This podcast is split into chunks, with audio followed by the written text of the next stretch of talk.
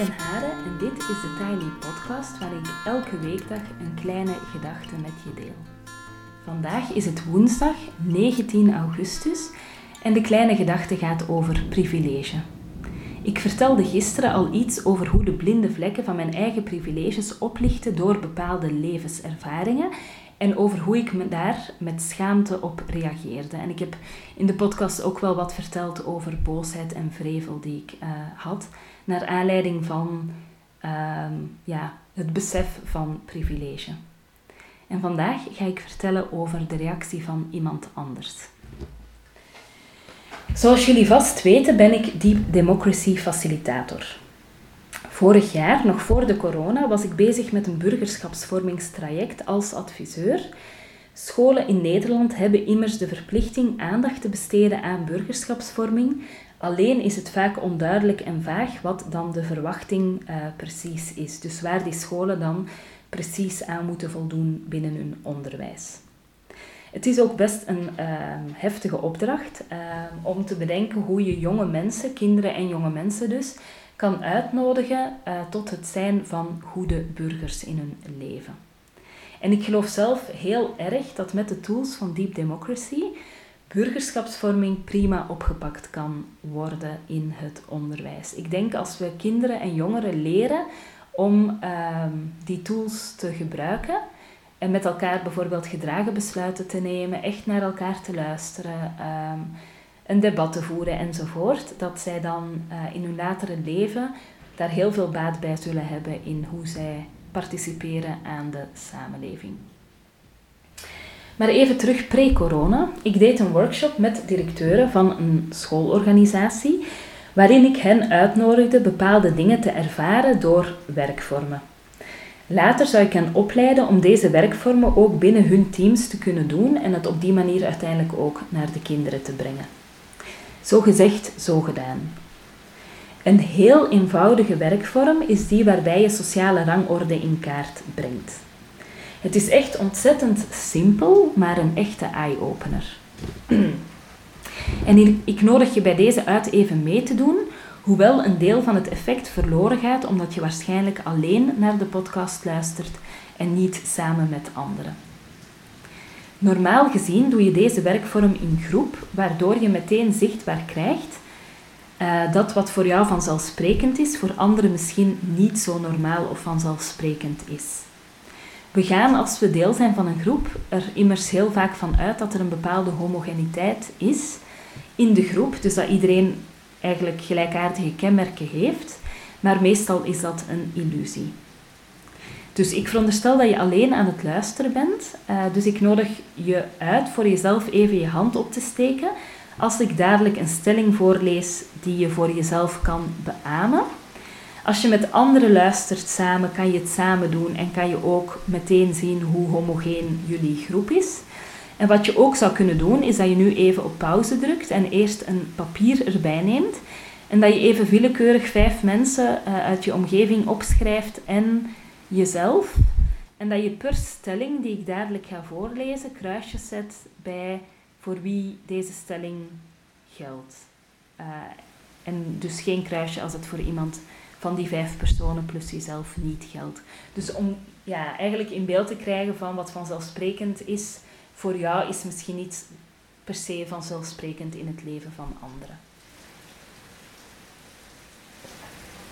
Het is dus heel eenvoudig. Ik ga gewoon een aantal stellingen voorlezen, um, die eigenlijk gaan over privilege. Um, en ik wil jullie dus uitnodigen om te kijken welke van deze stellingen voor jou gelden en welke niet. En daarbij realiseer ik mij vaak als ik deze oefening doe en ook als ik ze met groepen doe, uh, dat dingen die vanzelfsprekend zijn voor sommige mensen, voor anderen totaal uh, niet vanzelfsprekend zijn. Daar gaan we.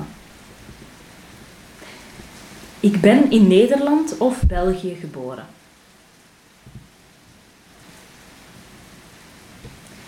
Mijn ouders zijn in Nederland of België geboren.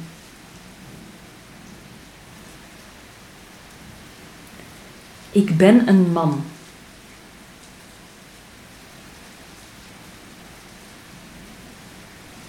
Ik heb een eigen huis.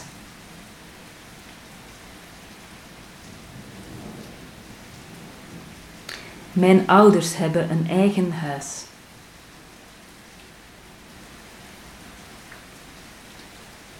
Ik heb gestudeerd of ik heb de kans om te studeren.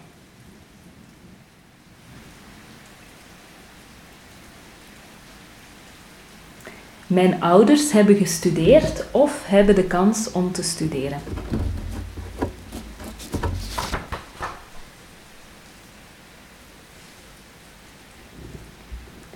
Ik maak, ik, maak, sorry, ik maak deel uit van een gezin waarin één of meerdere mensen een inkomen hebben. Uit werk bedoel ik dan.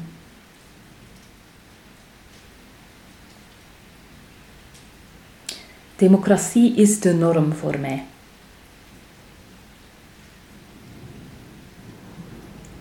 Ik ken manieren om conflicten op vreedzame wijze op te lossen.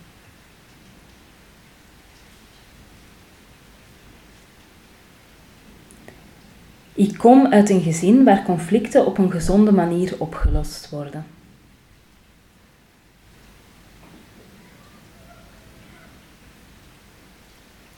Ik heb een sociaal netwerk of ik ben deel van een gezin met een sociaal netwerk.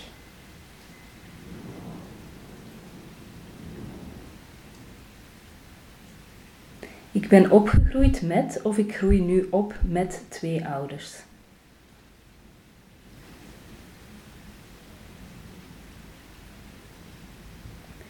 Bij mij thuis wordt de krant gelezen.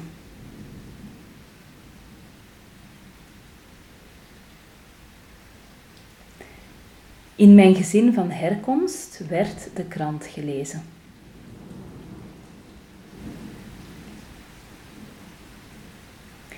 Bij mij thuis wordt er gediscussieerd.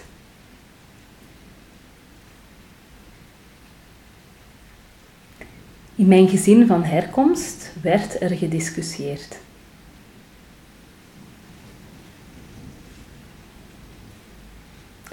Bij mij thuis werd er naar mij geluisterd, in mijn gezin van herkomst bedoel ik dan. Bij mij thuis wordt er naar mij geluisterd.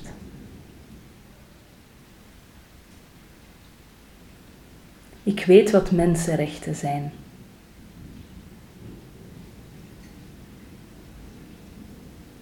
Ik weet wat de rechten van het kind zijn.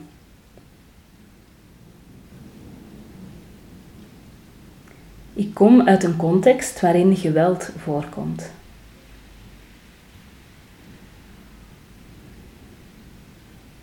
Ik behoor tot een minderheid.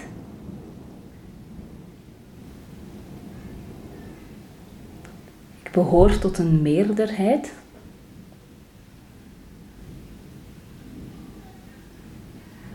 En ik heb dezelfde etnische of culturele achtergrond als de mensen waarmee ik dagelijks het meeste tijd doorbreng.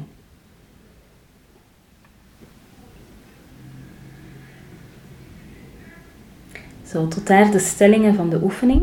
Um, als dat iets van een inzicht of zo bij jou naar boven brengt, dan uh, ben ik altijd heel benieuwd en uh, mag je dat altijd ook laten weten. Uh, in de show notes kan je mijn gegevens vinden. Ik heb gisteren al verteld dat ik schaamte voelde toen mijn blinde vlekken, en ook boosheid en vrevel, um, toen mijn blinde vlekken bovenkwamen met betrekking tot privilege en het verlies van bepaalde privileges in mijn leven. Ja, ik heb toen best veel schaamte gevoeld toen ik op een bepaald moment eigenlijk een soort verwachting had hoe mijn leven zou zijn met bepaalde privileges die ik vanzelfsprekend vond en dat die er op een bepaald moment in mijn leven niet meer waren.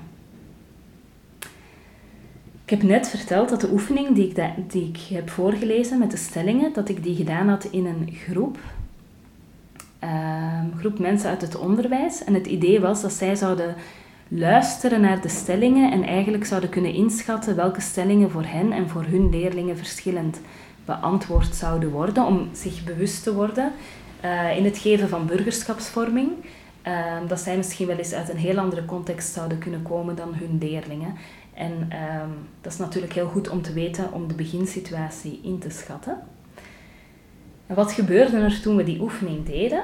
Een man werd echt ontzettend boos. Echt meteen van 0 naar 10 op de schaal van 10, zeg maar.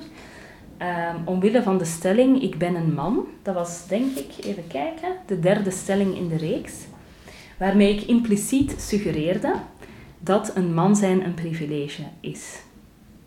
En die boosheid vind ik echt helemaal oké. Eh, die is helemaal welkom en dat is iets waar je in een groep heel goed mee kan werken. Ehm, dus ik vind helemaal oké dat die man boos werd. Ehm, en vanuit die boosheid ging deze man aanvechten dat een man zijn een privilege is. Hij was er namelijk zeker van dat mannen en vrouwen gelijk zijn in onze samenleving, terwijl er toch feiten zijn die wijzen op het uh, niet gelijk zijn van man en vrouw, bijvoorbeeld de loonkloof en nog een reeks andere dingen die uh, gelijkheid in de weg staan. Blijkbaar kan het oplichten van een blinde vlek heel heftige gevoelens oproepen. En ik ben heel benieuwd hoe dat bij jou is. Misschien heb je ook wel uh, in de oefening een blinde vlek uh, ja, van jezelf uh, in beeld gekregen. en ik ben ook heel benieuwd hoe jouw reactie daarop dan was. Hè. Dus ik heb het al over de reactie schaamte gehad, ook de reactie boosheid. Wat bijvoorbeeld ook een veel voorkomende reactie is, is de reactie victim blaming. Waarbij eigenlijk um, vanuit een geprivilegeerde positie wordt gewezen naar de andere die een minder geprivilegeerde positie heeft. Uh, en dat er dan argumenten komen van uh, als je je best maar doet of als je het maar echt wil, dan kan je dit en dit en dit bereiken. Uh, het is een kwestie van je best doen, mindset, whatever. Um, en vaak worden er dan voorbeelden gegeven van um, mensen die ondanks een bepaald uh, gebrek aan privileges wel iets bepaald hebben bereikt in het leven. Dus dan wordt het eigenlijk die verantwoordelijkheid bij het individu gelegd, in plaats van uh, dat er uh, erkend wordt dat er bepaalde privileges zijn. Um, tot daar voor vandaag. Ik ga daar morgen nog een paar dingen verder over zeggen. Ik wil wel nog vertellen dat ik bezig ben aan een project rond burgerschap in opdracht van een organisatie. Um, en dat is een project voor een breder publiek. Um, dus als je zin hebt om na te denken over je eigen burgerschapsthema's, dus hoe kan jij een actieve burger zijn die participeert in de samenleving, dan mag je mij zeker contacteren. Uh, morgen ga ik het derde deel over privileges uh, vertellen. Gisteren startte ik bij mezelf. Uh, vandaag stond eigenlijk die oefening centraal om privileges, om daar een soort bewustzijn van te krijgen. En morgen ga ik uh, nog heel even verder over dit thema.